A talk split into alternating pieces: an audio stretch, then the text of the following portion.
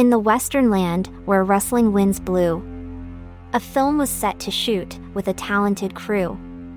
Alec Baldwin was the star with great acclaim. But tragedy struck and left them in pain. Halyna Hutchins, a cinematographer so bright, lost her life on that fateful night. It shook the industry, and hearts were heavy. Everyone wondered how could this happen readily? But time moves on, and healing takes its course. And finally, resuming filming is the force. 18 months have passed since that distressing time. Now they're back to continue their climb.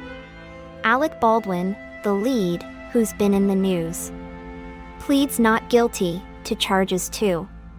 It's a situation that's hard to handle. But they'll move forward, filming with a candle. Halyna Hutchins, gone too soon. Her talent will remain like a rising moon.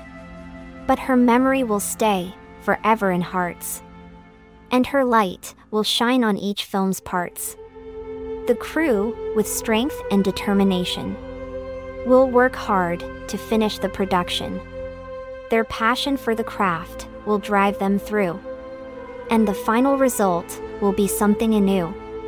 So here's to Rust and its journey ahead. A tribute to Halyna, who's forever wed. To the film world that's filled with glamour, but also with pain and sometimes clamor. Filming resumes with a hope to prevail. And for the final outcome, we can't wait to unveil. For the magic on screen will be an ode to those who've worked hard and to Halyna's abode.